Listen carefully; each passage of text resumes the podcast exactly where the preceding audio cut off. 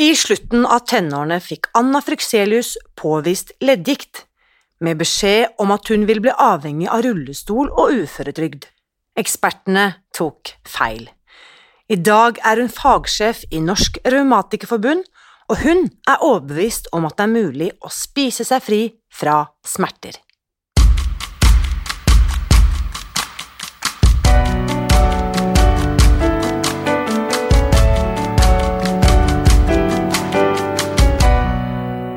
Mitt navn er Irina Li. Jeg er journalist og forlegger, gründer og sosialentreprenør.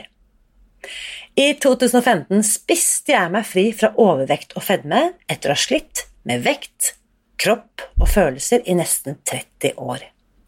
Etter at jeg fant oppskriften på å spise meg fri, ga jeg meg selv et nytt oppdrag å dele denne kunnskapen med alle som trenger det. I første sesong av denne podkasten deler jeg hele lydboken eh, Spis deg fri.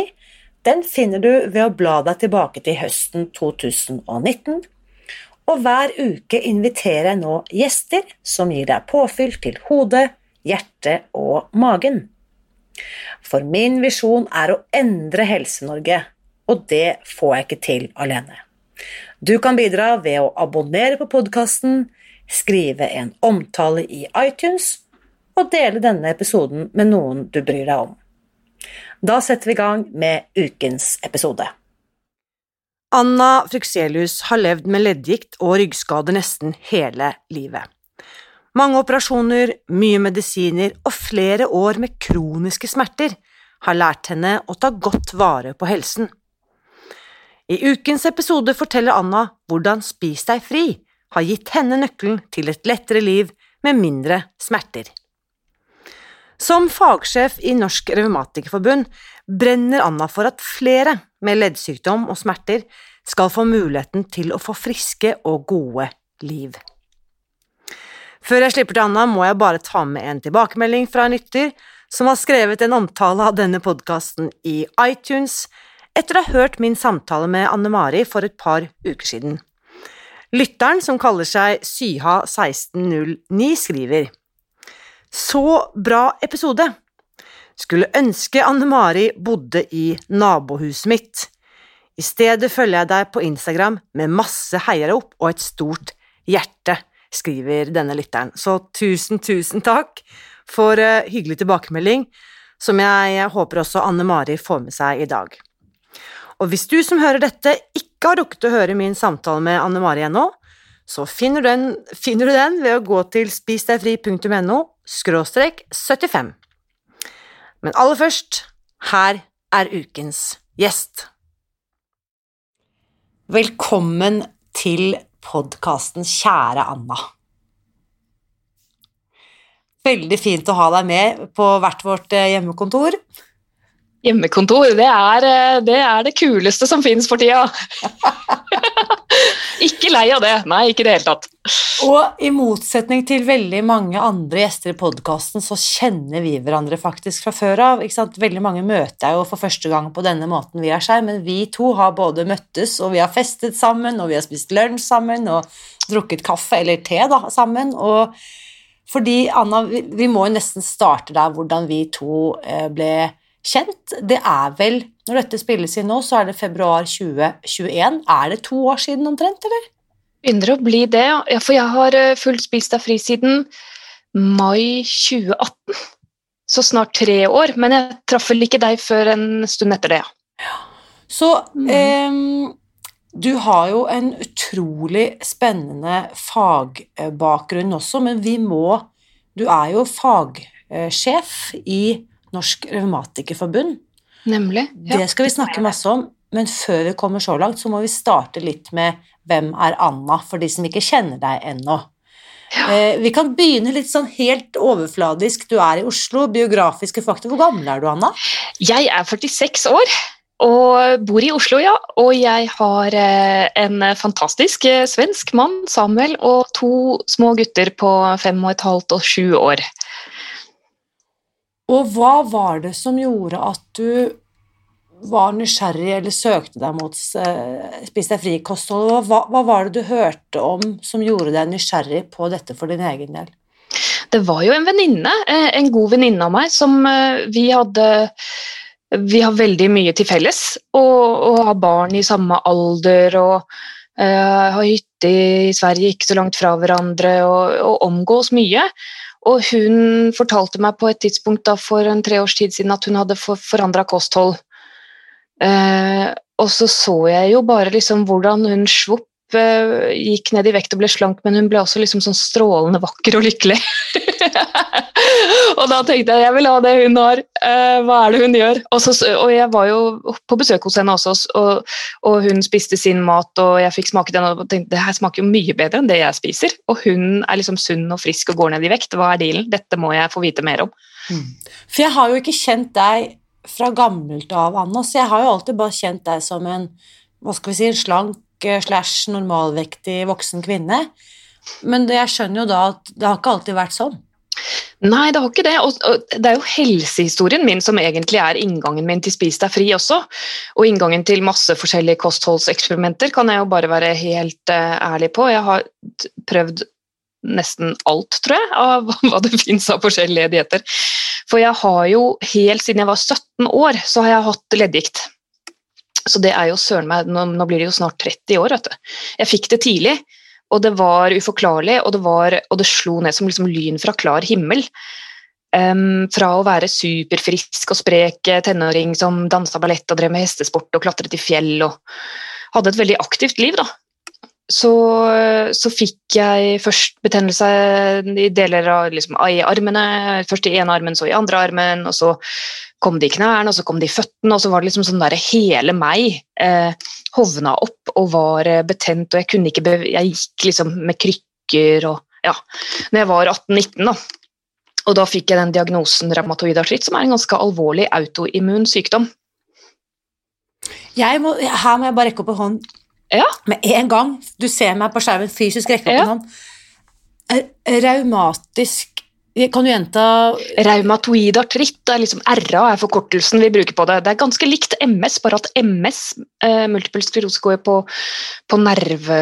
Eh, ja, eh, protein Ja, jeg trenger ikke gå i detaljer. Men eh, RA er ganske likt MS. Det er en autoimmun sykdom som angriper eh, deler av kroppen.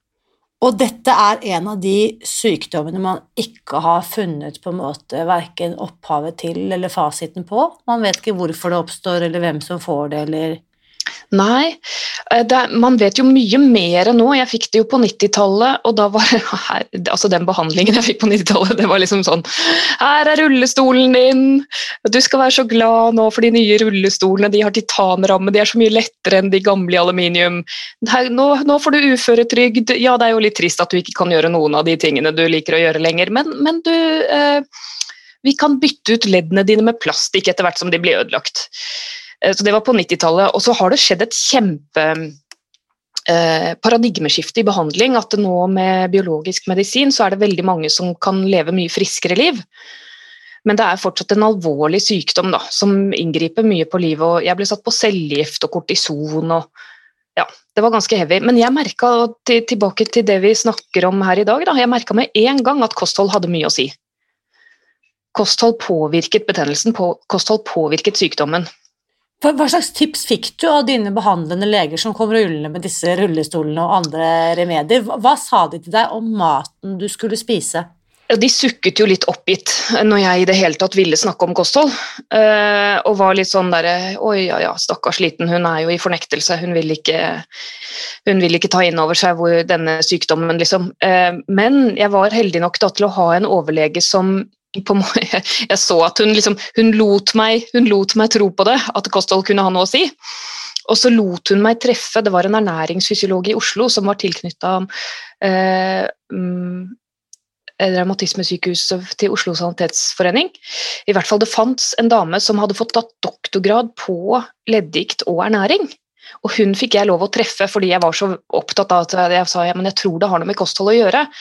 Jeg drev jo da og prøvde alle mulige rare dietter, og det var syre-base-dietten, og det var paleo ditt, og det var, eh, og det var blodtypedietten, og det var vegansk kosthold, og det var liksom Jeg prøvde alt. Og jeg fasta. Steinalder-type dietten ja, ja, og sånne ting. Ja, ja. ja nettopp. Og merket, det, det, som var så greia, da Jeg fastet, og da sluttet sykdommen helt, for det var jo som Leddgikten var litt som om det var små menn med hammer og meisel som banka inn i leddene mine.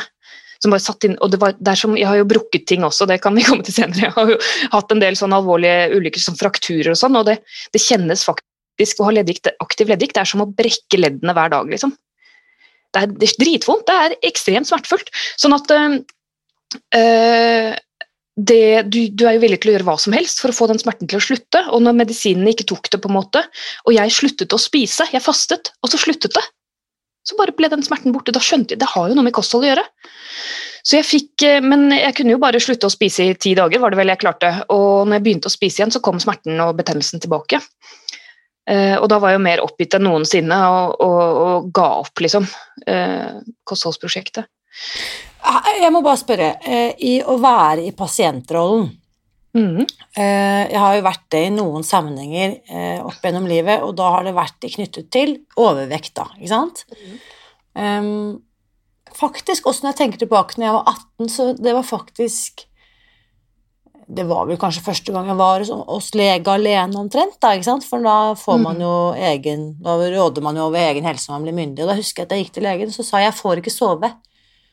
Mm. Uh, og så sa han det er et veldig vanlig problem. Kom, så skal jeg skrive ut noen sovetabletter til deg.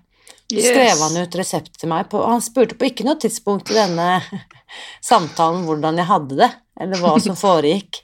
Så han skrev ut sovetabletter. Og så kom jeg hjem, og så spurte søsteren min hva har du gjort i dag. Nei, jeg har vært hos legen. Hva skjedde? Nei, jeg har fått sovetabletter. Og så, og så sier hun hva er det du sier for noe, så tar hun imot den Så jeg har vært på apotek og, og cashet ut denne resepten. Og så husker jeg søsteren min dro av den derre plastikklappen der det står sånn én tablett morgen og kveld, ikke sant? Der, ikke sant? pasientens mm. navn og fødselsnummer. Og så viste hun meg at under der var det en rød trekant. Mm. Og så forklarte hun meg at den trekanten, Rina, betyr at disse tablettene er farlige.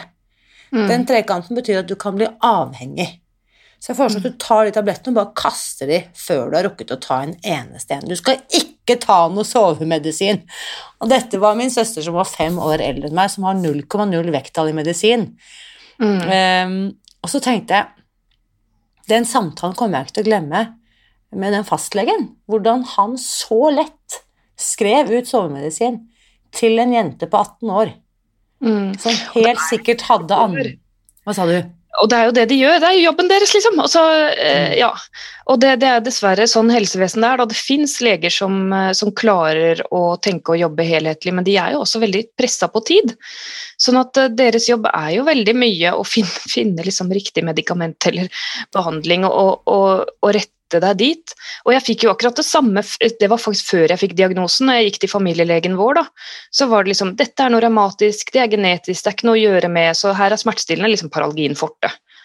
Eh, på liksom bare gå og hent så mye du trenger, på en måte. Og uh, her er sykemelding, hold deg hjemme for det du, dette er uh, livsvarig. det var liksom beskjeden å få, da. Men når du er 17-18-19 år og får disse beskjedene, hva slags fremtidsvisjoner hadde Anna? Var det liksom om du skulle få deg en ny rullestol, eller hadde du en, en ja, forestilling om at dette var noe du skulle komme deg ut av? Ja, jeg trodde jo ikke på det der, for å være ærlig. Jeg tok det jo uh, jeg, jeg, var jo frustrert og oppgitt, og jeg hadde veldig vondt, men jeg trodde ikke at dette var livsvarig. Også kanskje spesielt fordi jeg opplevde den når jeg fastet at det ble veldig mye bedre. Sånn at det jeg gjorde, var å Etter at jeg hadde fått diagnosen og ble satt på masse medisiner, og de trilla fram rullestolen og sånn, så kjøpte jeg en enveisbillett til Indonesia. For det var en smart ting å gjøre da, syns jeg. Nei da. Alle vennene mine reiste, jeg ville reise, og folk snakket om det, at det var liksom mye bedre i et varmt klima og sånn. Og jeg hadde en venninne som skulle studere i Indonesia, som kunne språket. Så jeg, rett og slett, jeg ble med henne, da. Og jeg fikk meg jobb der nede som engelsklærer. Og jeg dro fra stort sett alle medisinene og hele, hele, det fine livet som ufør som de hadde planlagt for meg da, i helsevesenet. Eh, det dro jeg fra, og så dro jeg ned dit og fikk meg jobb. Og jeg bodde der i ti måneder. Eh, og hadde det kjempespennende. Leddgikten ble veldig mye bedre. Den var der fortsatt, men den var mye bedre. Men så, på slutten av det oppholdet, når jeg skulle tilbake og begynne å studere, da var jeg i en bussulykke, og så knuste jeg ryggen. Å, oh, shit, banditt. Det er her liksom historien begynner å bli litt uh, komplisert. ja, så jeg, jeg, kjørte buss i Indonesia uh, fordi jeg solgte motorsykkelen min. Det var jo farlig, må vite. Så like, det var to uker før jeg skulle hjem. Jeg hadde hjemreisebilletten og alt. Og så satt jeg på en buss som ikke hadde bremser. Den kjørte av veien, og jeg satt forrest i liksom krasjpunktet. Hva krasj, altså. Og glass og blod og full rulle, liksom. Og da hadde jeg knust ryggen. Det skjønte jo ikke det akkurat da, det var veldig dramatisk osv.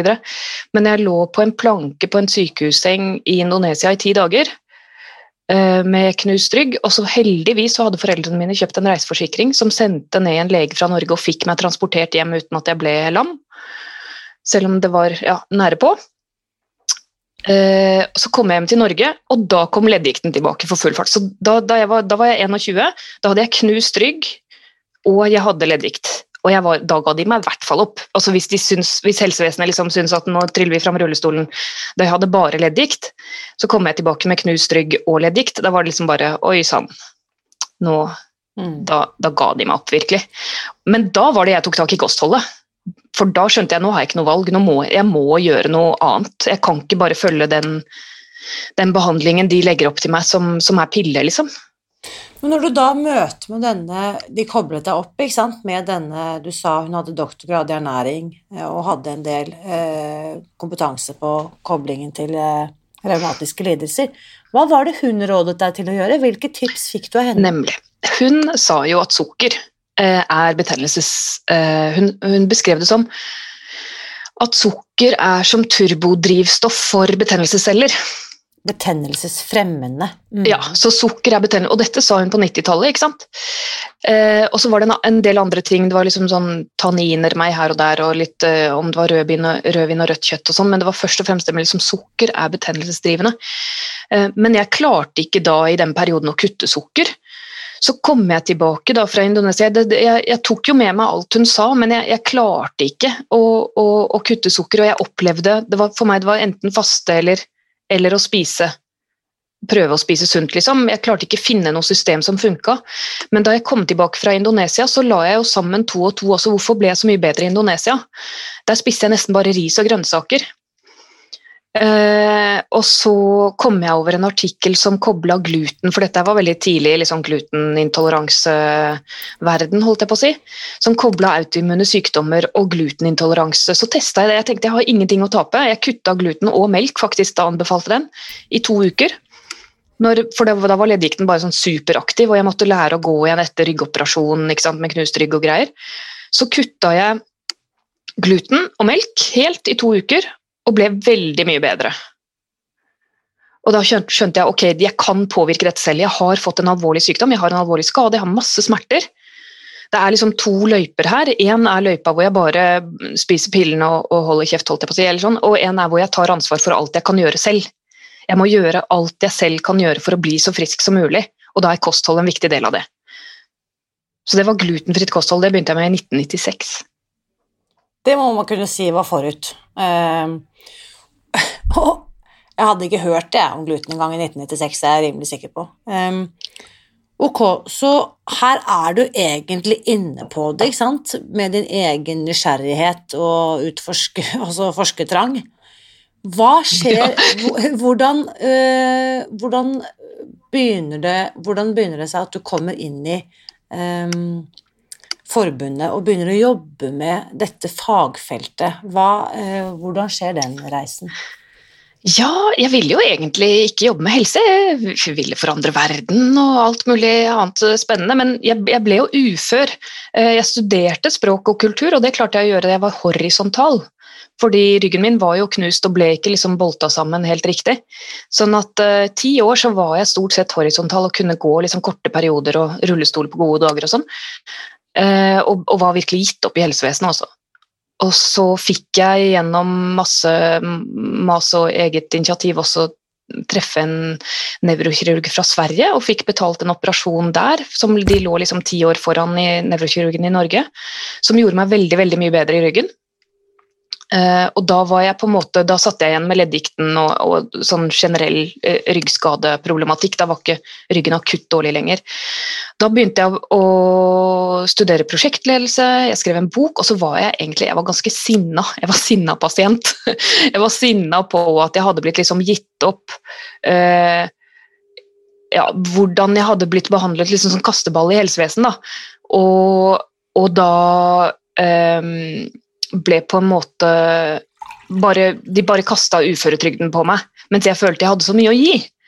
Jeg, jeg, følte jeg kunne gjøre så mye, men fordi jeg ikke fikk behandling for eh, muskel-skjelettsmertene, og, og bare, ja, de bare ga opp på en måte pga. diagnosene mine, så, så, ja, så var jeg sinna og sa jeg vil forandre helsevesenet. Ja. Det kjente igjen din, din, logo når jeg så den. Fordi eh, jeg bestemte meg for å bruke historien min for å prøve å forandre ting. Og det var vel i 2009. Så da begynte jeg å skrive. Jeg skrev en blogg, jeg fikk eh, stipend av Fritt Ord til å skrive en bok som heter Kronisk, som var liksom bare reisen min i helsevesenet. Eh, og så var det foredrag, og på et av de foredragene så ble jeg oppdaget av noen fra Revmatikerforbundet, han som var leder da. Som sa 'wow, for en historie', og 'wow, for et engasjement, for en drivkraft'. Deg, vi, vi må jobbe med deg', sa han. Og så eh, halte han meg inn i NRF, da, Norsk Grammatikkforbund. Og det er, hvilket år er vi i da? 2010. Så du har vært i Ja, ikke sant, fjor hadde du tiårsjubileum i Norsk Grammatikkforbund, ja. og nå er du fagsjef. fagsjef. Ja, jeg begynte i deltidsprosjektstilling. Jeg, begynte, eller jeg var frilans for dem en stund. Så, for jeg var jo ufør, da. Jobbet jeg Jeg starta eget firma først, ikke sant? jeg begynte med foredrag og sånn, og så begynte jeg å jobbe litt mer og litt mer og litt mer, og så eh, så klarte jeg å bygge meg opp, og så ble jeg gravid og fikk barn, og det hadde jo ingen trodd skulle gå an. Uh, og så jobbet jeg, hadde, hadde en 20 %-stilling, en 50 %-stilling, og så etter hvert en 80 og så en 100 %-stilling. Så nå de siste fem årene så har jeg vel jobbet 100 Og jeg må jo sykemelde meg i perioder hvor f.eks. nå på vinteren så er jo leddgikta verre. Men det, det, er liksom en del av det vi jobber med også, så det blir brukererfaringen min blir på en måte også en ressurs for, for Revmatikerforbundet, fordi jeg forstår uh, hva det er vi jobber med. så, ja. jeg, jeg, jeg, må bare si her, det er bare ting som bare popper kjemper mot meg, og jeg har tenkt på det hver gang vi har snakket sammen, Anna. Det der engasjementet som kan bunne ut av sinna pasient, det skal ikke ja, men det skal ikke undervurderes, og jeg kjenner meg så inderlig igjen i det. fordi at i det sinnet, eller i den frustrasjonen, der ligger det mm. ekstremt mye energi. Og hvis ja. den kan kanaliseres på riktig måte, så tror jeg at denne historien som du setter ord på her, og som du har gjort i både bok og i foredragssammenheng, i den historien bærer med seg en kraft som faktisk kan endre Helse-Norge. Ja, det tror jeg, og det har jeg sett på de ti årene. Nå er det jo systemiske endringer som har pågått i den perioden også, og jeg opplevde faktisk et kjempeskifte rundt 2012-2013, eh, altså Bent Høie. man kan si hva man vil om partipolitikk og sånn, og, og, og jeg er ikke egentlig på den sida, men han kom inn og, og, hadde første helsekonferansen der han snakket til, til, ansatte i helsesektoren og bare 'Pasienten i sentrum, pasienten i sentrum, pasienten i sentrum, det skal lytte til pasienten. Helsetjenesten eksisterer for pasientene.' Um, det var veldig, veldig spennende å høre. Så, um, og da hadde jeg vært sinna pasientblogger i tre år, vel. Og ja, fritt ord og bok og blogg og alt dette her. og en del, Jeg skrev mye i Aftenposten på den tiden. da Aftenposten Meninger siden liksom hadde en del kronikker fra liksom, pasientperspektiv og, og, hvordan det er å være ung ufør og sånn. Uh, så han kjente meg igjen da Bent Høie møttes på den konferansen. Så sa han jeg tror du kommer til å like det jeg har å si i dag. Og så gikk han opp på scenen og så sa han basically liksom akkurat de tingene jeg hadde kjempa for i mange år. så tenkte jeg, Da ble jeg litt sånn der, Wow, my work here is done. Men det, det er jo ikke det, da. Mm. Uh, men etter det også, det er ikke bare etter det, det hadde begynt lenge før Høyre kom til makten, men så har det jo vært en forståelse for i helsesektoren også at det, vi kan gjøre hva vi vil med medisiner og operasjoner og veldig kostbare behandlingsformer, men hvis pasientene ikke uh, får bestemme selv, og så medbestemmelse, samme, eh, og samvalg og sånne fine ord som det heter i alle NOU-ene og sånn. Så det hjelper ikke. Også leger og pasienter og helsearbeidere at vi må samarbeide for at folk skal kunne bli så friske som mulig med den helsa de har. Liksom. Ellers så det er bare bortkasta veldig mye av behandlingen som gjøres hvis ikke pasientenes kompetanse kommer med i behandlingen. Ja, jeg skulle bare ønske at det der eh, slagordet til Bent Høie ble liksom innprentet hver dag gjennom hele legestudiet, for det er ikke alle som har fått det notatet der. Det, det kan vi trygt skrive Absolutt ikke. Og hvis vi da går over til å snakke om overvekt, for det, ikke sant eh, du kan si at Overvekt er jo litt som uspesifikke muskel- og skjelettsmerter har vært i alle år også. Da. Det blir psykologisert. Det blir bortforklart som dette er noe psykisk. så det, det er liksom det handler om om det er viljestyrke, eller om det handler om at du er lat, eller det handler om at du eh, ikke er sterk nok psykisk liksom, til å spise sunt osv., til å ta tak. Og så blir det da også bare avfeid. Det, det er sånn det oppleves. At uh, overvekstproblematikk, uspesifikke muskel-skjelett-sykdommer, uh, plager Ja, det, det, det, er liksom du er svak. Du er svak, det det er pasientens eget ansvar. Pasienten er dum, lat og grådig, giddalaus og egentlig ganske inkompetent og burde vite bedre. Gå og skam deg. Det er på en måte budskapet. ja. ja. Eh, det kan være mine ord. Satt på spissen, ja, men satt på spissen så, så, så oppleves det jo sånn, da. Ja. Fordi du blir ikke trodd, du blir ikke tatt på alvor. Du blir, du blir, satt i en bås med en gang. Jeg har bare mm, Ettersom jeg aldri har eh, eller faktisk nå i det siste har jeg fått muligens artrose, som kanskje går inn under uh, samleparaplyen til norsk Det gjør det, vet du. Velkommen til klubben! Nei da. Ja, ja, ja. Nei da. Jeg skjønte at det er sånn gammeldames uh, ja, da, Nødvendigvis. Jeg, ikke nødvendigvis. Man, man, kan få det ung. Ja. ja. Én uh, av fire nordmenn har en sykdom relatert til muskel- og skjelettsystemet. Mm. Og mer, altså av disse, da, altså én av fire, da er vi langt over millionen. Men mm. mer enn 300 000 av disse menneskene de har en revmatisk diagnose. Og det er denne gruppen, disse 300 000 pluss, som hører inn under Norsk Revmatikkforbund, hvis vi begynner der, ikke sant? Ja, det er faktisk hele millionen, for det, det, revmatisk sykdom det er ganske snevert definert. Det er ikke engang de som har artrose og uspesifikke muskelslett. Ja. Så rundt en million er det vi jobber for, da. Nettopp, mm. og da snakker vi, for de som ikke egentlig har tenkt over revmatisme eller, hva, eller muskel- og skjelettplager, vi snakker om alt fra både uspesifiserte Altså litt vondter Frozen shoulder, vondt i knærne um, Fibromyalgi har jo vært definert som en revmatisk sykdom, nå er det ikke det lenger, men det har definitivt liksom muskel-skjelett-symptombilde, da. Og så ja, Det er også vondt i nakken, vondt i ryggen ja. Du nevnte MS. Det er ikke revmatisk, det, det, er nevrologisk. sånn at Det er bare lignende mekanikk, for det er et autoimmunsykdom. Men Bechterew, som det var kjent, som er ankloserende spondylartritt uh, ja, det, det, er mange, det er 200 forskjellige diagnoser som er liksom revmatiske diagnoser, og noen av de er veldig alvorlige, noen av de er dødelige, og noen av de er vondt i kneet. Um, ja. Alle, og, alle, de jobber vi for, men det, det koster samfunnet sjukt mye, da, muskel-skjelett. Og kan man da si øh, vi vet at noen sykdommer er genetisk, arvelig, sånn og sånn, noen er ytre, altså miljøskadet, altså man har vært i et miljø med mye eh, la oss si eh, dårlig luft, og så har man fått lungesykdommer hvis man har vært i asbestfylte rom etc. Vet man noe om, av denne millionen, da, for å ta det, ta det som en sånn stor sekk, går det an å si at halvparten er medfødt og halvparten har fått uh, utviklet gjennom livet, eller er det mulig å si noe sånt om det? Nei, det så klare svar har vi ikke, uh, dessverre. Men uh, da vil jeg tippe at noen pådrar seg revmatiske lidelser, sånn som du sier, du var 17-18, ikke sant, mens mange kanskje blir eldre, sånn som jeg nå i en alder av 44. Legen lurer på om det kan være begynnende artrose. Så mm. når folk kommer inn under paraplyen hos dere, kan være alt fra barn til godt voksen. Mm. Stemmer det? Vi har jo barn på ett år, dessverre, da, som får uh, leddgikt. Og så, så, kan man være i 60-70-åra. Så det, ja. det er jo en overvekt av, av, eldre, definitivt, som har revmatisk sykdom. Ja, og her kommer jeg da uh, inn på koblingen mellom Spis deg fri og eh, NRF, eller Norsk Revmatikerforbund. For din egen del, Anna, du nevnte jo eh, at du hadde eh, fått flere effekter, bl.a. på dette med smerter. Hvordan, når du begynner i mai 2018, hva er de umiddelbare effektene når du legger om til Spis deg fri-kostholdet?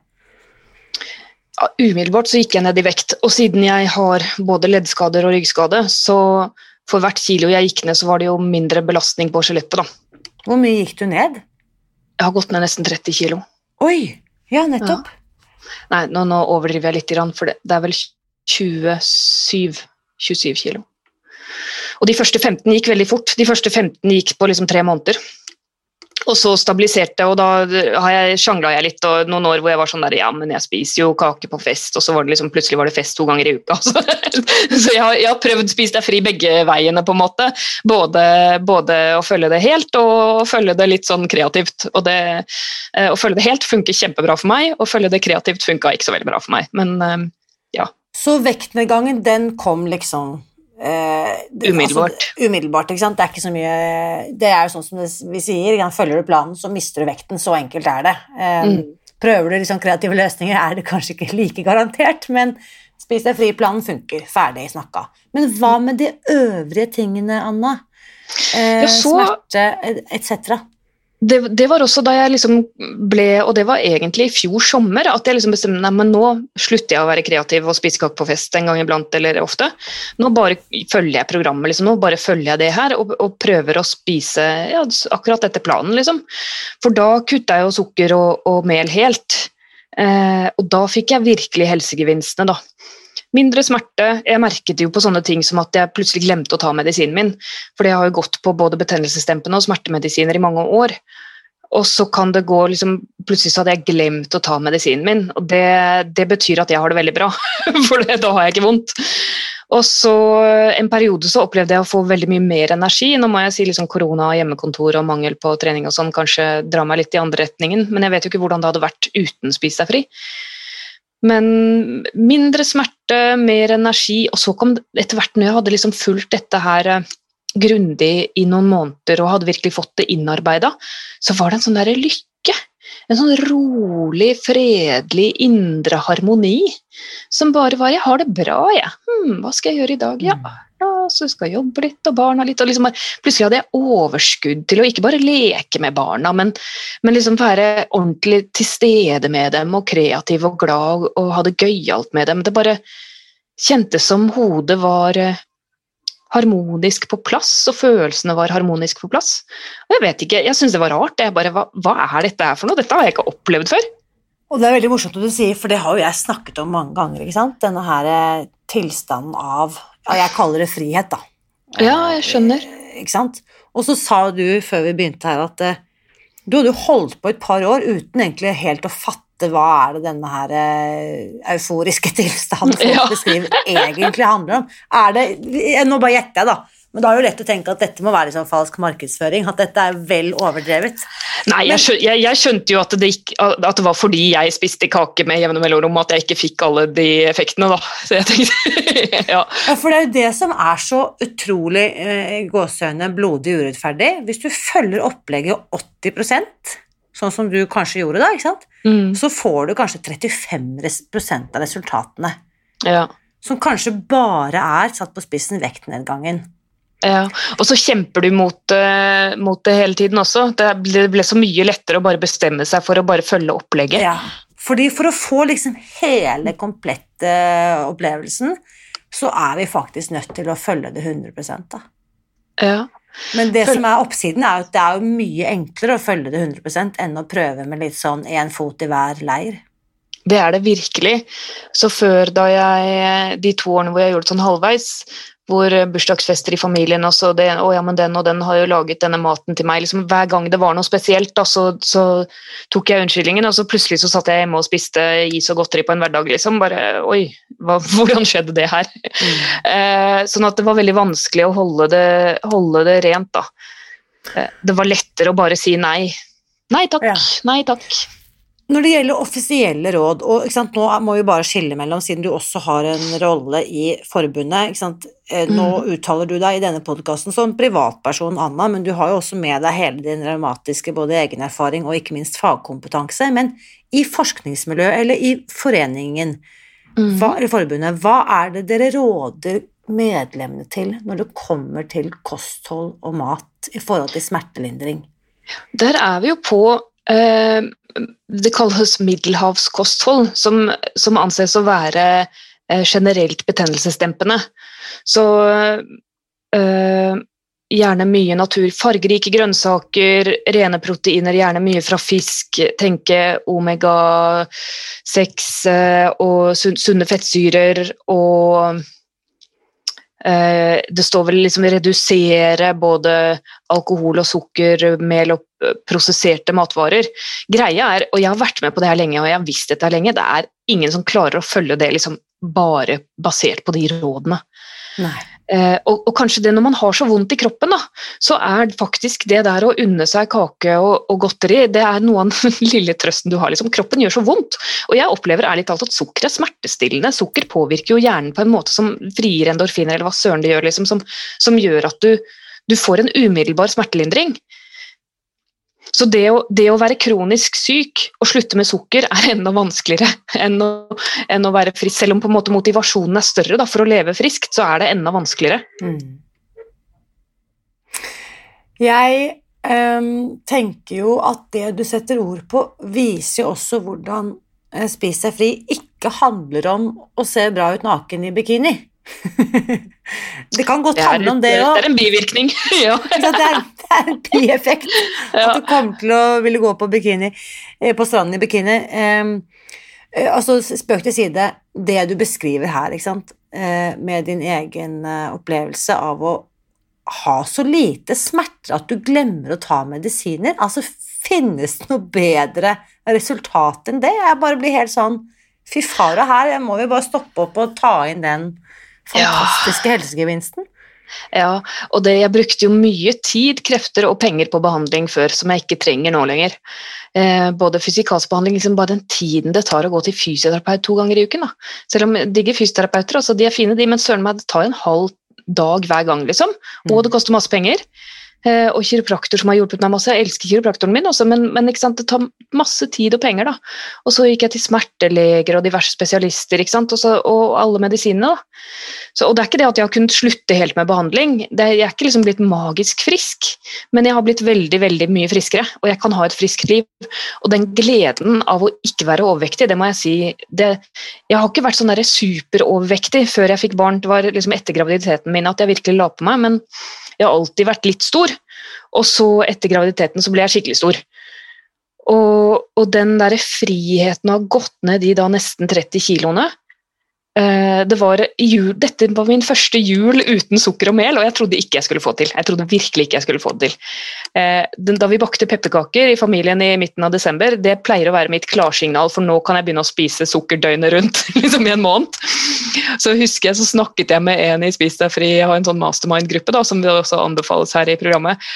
Og det var godeste Anniken som sa til meg da men Anna, gå på badet og så fyll en bøtte med vann med ti liter vann, og så løfter du på den, så kjenner du hvordan det vil kjennes hvis du går opp ti kilo igjen, hvis du spiser sukker nå hele desember og litt uti januar. Hvordan det vil kjennes for kroppen din å bære ti kilo ekstra. Så gjorde jeg det, gikk ut på badet og løfta på en bøtte med ti liter vann. Fy søren, det er tungt, ass. Det, gikk jeg og bar på. 27 kilo mer gikk jeg og, og, og bar på hvert eneste skritt på en brukket rygg med dårlige ledd. Det er ikke rart jeg hadde mye vondt. Altså, ja, jeg har jo vondt pga. skaden, og sånn, men jeg hadde mer vondt. da. Utrolig. Det var et veldig godt råd. Takk til Anniken for den påminnelsen. Anniken, altså. Hun, hun skjønner. ja, men også, ikke sant, Apropos 27 kilo. Når jeg har overvekt når jeg skal reise langt, og så har jeg lastet den kofferten litt tung, så er den 23 kilo. Det er sånn at jeg nesten ikke klarer å løfte den opp på båndet på det bagasjebåndet på flyplassen. 27 kilo, det er sinnssykt mengde vekt. Også på hvert eneste skritt. Og det var jo det jeg sa, da, liksom tilbake til den støtten og det man får i dette programmet. Det var Katrine som åpnet døren for meg. ikke sant? Katrine gjorde dette først, uh, som har vært aktiv i Spis deg fri i mange mange år. Og, og, og, hun viste veien, på en måte. Hun viste at, hva som var mulig, og fikk det til å se jeg vil ikke si liksom lett, men mulig ut og viste veien, og virkelig hun ga meg ikke opp, fordi jeg er sånn som jeg rota. Altså, jeg rota jo i to år. Men Katrine slapp meg ikke, liksom. Hun bare kjærlighetsfullt bare var der og ja, men hva kanskje du skal, på en måte. ikke sant? Mm. Sånn at, og det å se at noen andre får det til, da, og, og se, se at det er ikke mystisk og magisk eller umulig, det er liksom bare å følge det opplegget. som Her er kartet, mm. på en måte. Mm. Jeg har gått før deg, og her er kartet. Bare følg dette kartet, så kommer du fram. Ja. Og blir slank. og jeg kjøpte min første bikini, og det var liksom hva, Bikini, liksom. Og nå, nå er jeg sånn Jeg svømmer i alle klærne mine. Jeg har gått ned så mye også etter korona begynte, ikke sant? for jeg har gått ned da er det tolv kilo til det siste året. Og da Nå svømmer jeg i alt. Ja. Og jeg gidder ikke gå ut og handle, så denne her ullgenseren som sitter litt sånn tight, det er noe av det eneste jeg har som, passer. Men eh, det er kanskje en hemmelighet, men det er ikke en hemmelighet for deg og meg, at du og jeg, vi drømmer jo om store ting, Anna, og en Åh, vakker dag skal dette forskes på. Ja. Når tid og stunder er inne, hva er det du håper på? Når vi får satt i gang dette forskningsprosjektet, som du og jeg har drodlet mye om allerede, hva er det, altså typ sånn optimal eh, outcome? Eh, hva er det vi kan finne ut da, Anna? Jeg tror vi kan finne ut eh, at veldig mange mennesker med vanlige muskel-skjelettplager, som har mye smerter og kanskje er sykemeldt eller deltidssykemeldt og går liksom med begrensninger i hverdagen sin, da, kan få denne verktøykassa som Spis deg fri-programmet er, lære seg den og få mye friskere liv. Friskere og gladere og sunnere liv. Og det kommer til å synes på statistikk for de som gjør det. da. For de som gjør det, så kommer det til å synes på om det, om det er eh, sykemeldingsstatistikk og, og, og helsetjenester eh, og medisiner og, og alt. Ja. Det tror jeg er mulig å vise, men det, det krever jo en satsing som jeg føler at helsevesenet sånn det er i dag, ikke er lagt opp til å ta. Ja, da må vi gå andre vei. Jeg har jo forsøkt ikke sant, via helsevesenet. Det, der brukte jeg et par år på, i alle korridorer rundt eh, på de store helseforetakene og skjønte at dette er rett og slett eh, ja, feil bruk av tid og krefter.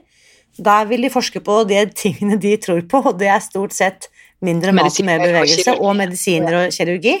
Det er ikke jeg interessert å bidra til på forskningssiden. Um, så nå har jeg liksom heldigvis funnet mennesker sånn som deg og sånn som eh, NRF som tenker litt annerledes enn hva skal vi si, de etablerte helseforetakene. Vi er jo ikke konkurrenter, vi holder på med det samme. Alle ønsker jo bare å bidra til at flest mulig mennesker får hjelp. Nemlig. Og så tenker jeg at vi bare må eh, innse at det finnes flere veier til mål. Så de som nå tenker at oi, så spennende, dette kunne jeg tenke meg å være med på, kan vi ikke da egentlig bare si at dette kommer til å skje, så det første de kan gjøre, hvis de er i den kategorien, den millionen, det er bare å melde Mm. seg inn i NRF, eller? Ja, ja, ja absolutt. Eh, 500 kroner i året er vel medlemskontingenten, og da får de jo masse sånn frisklivstilbud. Både trenings- og mestringskurs og, og informasjon og sånn som vi utvikler. Da. For vi vil jo både ha medisinsk behandling, vi vil at pasientene skal få god hjelp i helsevesenet, men også at de skal få verktøy til å kunne gjøre ting selv, ut ifra hva man kjenner sin egen helse best. Yes. Og folk vet kanskje at eh, ja, hvis, hvis jeg får de riktige verktøyene, så kan jeg være mye friskere og ha et mye bedre liv og et friskere liv og mer aktivt liv enn jeg har i dag. Så da, da prøver vi å lage en skikkelig, ikke bare fruktkurv, men, men verktøykasse da, til hver pasient og si her, er- alt dette her kan hjelpe deg, og sånn snakker du med legen din for å få best mulig behandling av legen. Og så jobber vi politisk for at, for at pasientene skal få tilgang til, til best mulig behandling. Men og når det gjelder kosthold, da, hvis jeg vil at flere revmatikere skal få muligheten til å teste Spis deg fri og få støtte, virkelig den sosiale støtten tenker jeg på nå, da, eh, rundt seg til å teste det, for det er så vanskelig å gå inn i det alene, som som jeg opplevde. ikke sant, at eh, jeg trengte den hjelpen jeg fikk fra Katrine og, og mastermind-gruppa Jeanette og Anniken. liksom De som har holdt meg i hånda mens jeg har gått den veien. Det er veldig vanskelig å gjøre det helt alene. Og det vil jeg at flere revmatikere skal få. da, Og flere med muskel-skjelettplager og sykdom. Komme inn, få den hjelpen. Du lærer om du går på grunnkurs eller hvordan liksom, Jeg tror det beste er virkelig det. da, Komme inn, gjøre den investeringen, gå grunnkurset, så du får både alle verktøyene og den støtten til å endre vanene. For det tar ja, en god stund å endre matvaner. Og så, så får du oppleve det selv. Og når du først, hvis du kan sette av den tiden, bare jeg tester det skikkelig, jeg går inn 100% og tester i de, om det er tre måneder eller hva det er, og så kan du måle effektene på ditt eget liv. Hvordan er det med din smerte, hvordan er det med din vekt, hvordan er det med din livskvalitet nå, etter at du har testa dette i tre måneder? Hvis alternativet er å gå av vondt i kroppen resten av livet, er det ikke verdt å satse de, om det er tusenlappene og, Mm. og den tiden, på å se hvor langt kan du komme med kostholdsendring, da. Det er så utrolig spennende at du sier, fordi det da gullstandarden innen forskningen vil si Nei, det tar 30 år før vi kan vite noe sikkert. Så sier jeg det er bare tull. Vi trenger ikke er å vente 30 år med å vite Nei. at det å kutte ut sukker kan være bra for deg. Um, så jeg sier bare heia forskningen også på individnivå, altså på lavterskel, sette i gang, la oss sette i gang i morgen-type prosjekt. Så Ikke Anna, eh, før denne samtalen er holdt jeg på å si, du, du rekker ikke å legge på engang før jeg ringer på det igjen og sier når skal vi sette i gang. Fordi dette, dette skal skje, og dette, jeg vil være så hårete. Nå er vi i februar 2021. Dette skal skje i dette året. Dette året. Vi skal lage et tilbud for revmatikere og mennesker med muskel- og skjelettsykdom, så de får prøve dette systemet for å leve sunt. da. For, for det er det jeg tenker, at alle vet at eh, å kutte sukker og prosessert mat og mel og sånn kan være bra for folk med, med leddgikt f.eks. Men hvordan får jeg det til i praksis? Hvordan får Yes. jeg det til i mitt liv? Og her er det et helt ferdig opplegg. Bare gjør dette, liksom. Her er kartet, her er verktøyene, her er alt du trenger. Bare gjør dette, så, så kan du teste det. Og kanskje du bestemmer å fortsette med det, kanskje du bestemmer å ikke fortsette med det. Ta en dag av gangen. Ja. Bruk din egen eh, kropp som en bitte liten forskerfabrikk, og så se hvilke resultater du kommer frem til. Um, men så den derre rullestolen, den står godt parkert, den, og altså den uførmeldingen og Jeg er jo ikke ufør lenger, da, så jeg har ikke vært det på mange år. Tenk, eh, takk og lov, det er helt utrolig kult. Så nå er jeg jo karrierekvinne og tobarnsmor og aktiv i borettslaget og Ja. alt det der som følger med. Eh, Det er kult. Men eh, ja, Du vet Rullestol eh, har jeg jo til dårlige dager. For eh, hvis jeg ikke klarer å gå, så er det praktisk å ha. Ikke sant? Um, et um, perspektiv som ofte ikke snakkes så høyt om, er verdien av å ha et menneske i arbeid. Dette vet jo alle samfunnsøkonomer veldig, veldig godt. Dette vet jo Bent Høie og alle hans eh, kumpaner. Du bidrar med 11,6 millioner i inntekter til staten i form av? I form av eh, skatter og inntekter. What? Så hvis du da tenker hva det vil si å kunne få ett menneske fra uføretrygd tilbake i arbeid, enten det er deltid eller heltid, så Mm. er det regnskapet så sinnssykt god investering for staten. Dette Mm. er det sosialt entreprenørskap handler om. ikke sant? En ting er bunnlinjen for det enkelte selskap, men hva vi kan skape av samfunnsverdi. Og ikke minst, sånn som NRF-sjefen også den gang påpekte, det engasjementet ditt, den fagekspertisen, den egenopplevde på en måte ekspertisen du kan bringe til bordet, den ville vi alle sammen gått glipp av hvis ikke du hadde på en måte kjempet så iherdig for din egen helse, da. Og vært så sinna som jeg var på. Ja. Ja. For jeg følte det var mulig å gjøre ting, og så sa de at det ikke var mulig. Og det, da blir det sånn, nå skal jeg i hvert fall bevise at det er mulig. Det, det, samfunnsøkonomien i det, ja. Vi i, i NRF har jo undersøkt det ganske grundig med Menon Economics og gjort en skikkelig eh, grundig analyse av det. Og 73 milliarder kroner i året koster muskel-skjelett-samfunnet. Eh, og det er like mye som alle universiteter, og nå husker jeg ikke alle i, i, hodet, hva, det er helt sjuke tall. Um, og medisinsk behandling er bare en liten del av det. Det er jo tap av arbeidsevne og tap av livskvalitet som er de Mm. store kostnadene. Da. Og så kan vi gå på individnivå og se, tenk hva slags eh, mamma dine to barn hadde hatt hvis du hadde vært lammet av smerte og ubehag, ikke sant? Kontra den barndommen de nå får, hvor du leker med dem, kan være aktiv med dem, og gå på stranden sammen med dem, gjerne i en Mm. kul, kul bikini. Um, Anna, dette var en fantastisk samtale, og vi kan vel også love lytterne om at vi må komme tilbake og holde dem oppdatert, nå som vi har gått såpass høyt ut fra Ja, vi må få til et eller annet, vi må få til et eller annet for, eh, for andre som meg, med, som sliter med muskel-skjelettsmerter. Ja. Flere må få mulighet til å prøve det her, bare for å få et verktøy til i, i verktøykassa si. Altså. Det, er så, det det engelske ordet er jo 'empowering'. Altså du, du, den følelsen av mestring og kontroll over eget liv du får når du liksom når dette klikker på plass, da, at oi, jeg kan spise sunt og jeg kan gjøre det på denne måten, og det funker faktisk. Yes. Det er så befriende. Dette, denne friheten skal vi dele med mange i året som kommer. Tusen, tusen takk, Anne, for at uh, du er med, og denne reisen har brakt oss to sammen. Og takk Irina som har tatt med Spis deg fri til Norge og gjør det tilgjengelig for alle her. Det er fantastisk. Tusen takk for det. Tusen takk. Og takk. for at jeg fikk komme. Nå lurer jeg på, hva tenker du etter å ha hørt min samtale med Anna i dag? Som vanlig vil jeg invitere deg til å bli med inn i den åpne Facebook-gruppen Spis deg fri, hvor samtalen etter ukens episode fortsetter. Her deltar også Anna, så hvis du har andre spørsmål om muskel- og skjelettplager, er jeg sikker på at hun kan gi deg svar på det òg. Du finner gruppen ved å søke etter Spis deg fri på Facebook. Og hvis du er interessert i å delta i en fremtidig studie om sammenhengen mellom mat og smerter, vil jeg på det varmeste anbefale deg å bli med inn i Facebook-gruppen og melde din interesse i kommentarfeltet på innlegget som handler om eh, ukens episode. Anna og jeg er nemlig ganske handlekraftige damer begge to, så når vi nå har bestemt oss for å dra i gang denne studien, så kommer det til å skje en eh, vakker dag. Så hopp inn i Facebook-gruppen og rekk opp en hånd hvis dette er noe du vil vite mer om.